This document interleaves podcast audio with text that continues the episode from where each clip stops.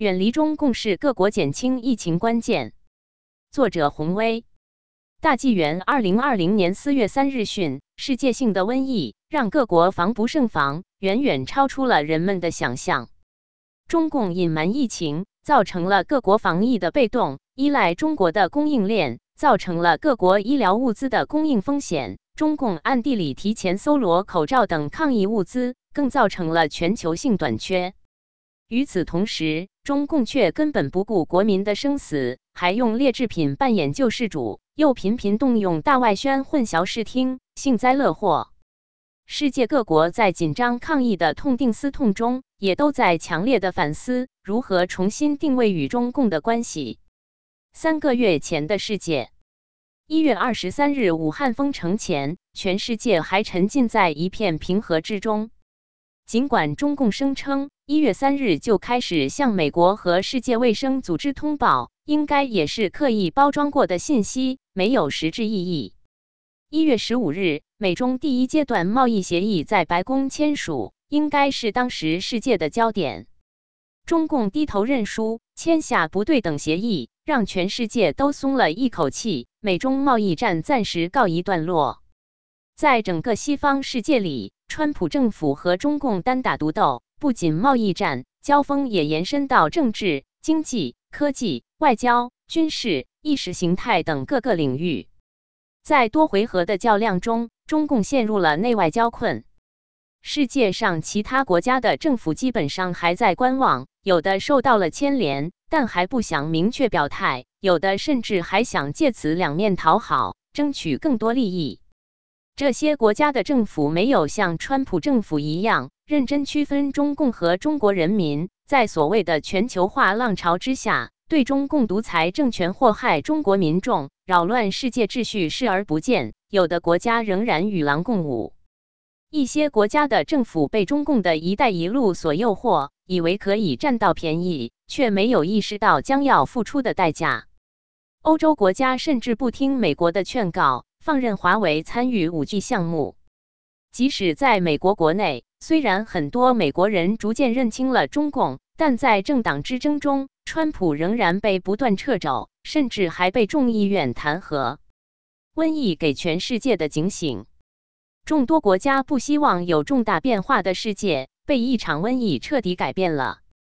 与中共政权关系近的国家和地区，无一例外的成为了中共病毒的重灾区。“一带一路”成了“一带一路”，拥抱华为的国家更是雪上加霜。川普虽然站在反击中共的最前线，但前任数个美国总统曾不断给中共开绿灯。美国恰恰为中共提供了最多的美元外汇。目前仍然有不少美国政商人士还在期望从与中共的交往中获益。这些人所在的美国地区疫情最严重，纽约地区和欧洲的意大利、西班牙疫情严重程度如出一辙。英国算是欧洲第一个清醒的。英国首相强森曾经屡屡向中共靠拢，一个多月前还宣布接纳华为参与五 G。他不幸染病后，愤怒地表示，中共欺瞒的数字是四十倍，需要重新考虑英中关系，还要拒绝华为。中共高调援助各国后，法国总统马克龙也表示需要警惕中共的虚假宣传。中共提供的劣质口罩和试剂曝光后，欧洲各媒体不断揭露中共隐瞒疫情的真相，呼吁重新审视与中共的关系。澳大利亚被中共渗透严重，不少政商人士被收买。庆幸的是，现任总理多次与中共保持距离，澳洲目前不算重灾区。大多数加拿大民众对中共没有好感，但加拿大自由党政府对中共的经济利益抱有幻想。孟晚舟事件后，中共疯狂野蛮报复，非法扣押多名加拿大人士，还禁止进口加拿大油菜籽、猪肉等。加拿大自由党政府却应对软弱，更迟迟不敢在禁止华为这个问题上表态，引来各界批评。三千万人口的加拿大，目前病例破万。直逼欧洲各国，亚洲不大一样。台湾县政府根本不相信中共，早早投入防疫；香港民众更不相信中共，也及时自救。这两个最可能爆发疫情的地方，却没有出现大爆发。韩国和日本政府轻信中共和世界卫生组织，又担心经济受损，没有及时采取措施，最先出现了疫情蔓延。韩国民众联名要罢免总统文在寅，指他是中国总统，不是韩国总统。但文在寅仍然没有对中共明确表态。目前韩国病例接近破万，中共甩锅给美国后，日本政府算醒悟了。日本副首相称，武汉病毒的叫法很准确。目前日本疫情逐渐趋缓。世界上其他的亚洲、南美、非洲的不发达国家，虽然公布的病例不算多，但考虑到医疗检测能力，如果还使用中共的检测试剂，很可能无法及时发现病例。目前公布的数据只能参考，疫情可能已经很严重。不难想象，这些国家中与中共走得近的，也难逃疫情失控的无力局面。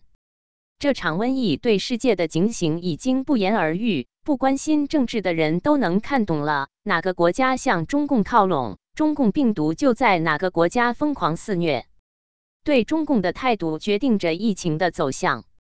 越靠近中共，就越会被中共病毒祸害的严重。能够很快醒悟的国家就应该明白，尽快远离中共也是走出疫情的关键。病毒是针对中共而来的，远离中共就远离了病毒，就会摆脱瘟疫。这场瘟疫已经表明，与狼共舞的代价有多么高昂。众多科学家曾经用中共提供的数据进行各种分析，建立了不同的科学模型，却都被残酷的现实击溃了。武汉排队领骨灰盒的场景应该能震惊世界了。各国失控的疫情也应该让各国政府醒悟了。现在应该没有人再相信中共的数据和说辞了。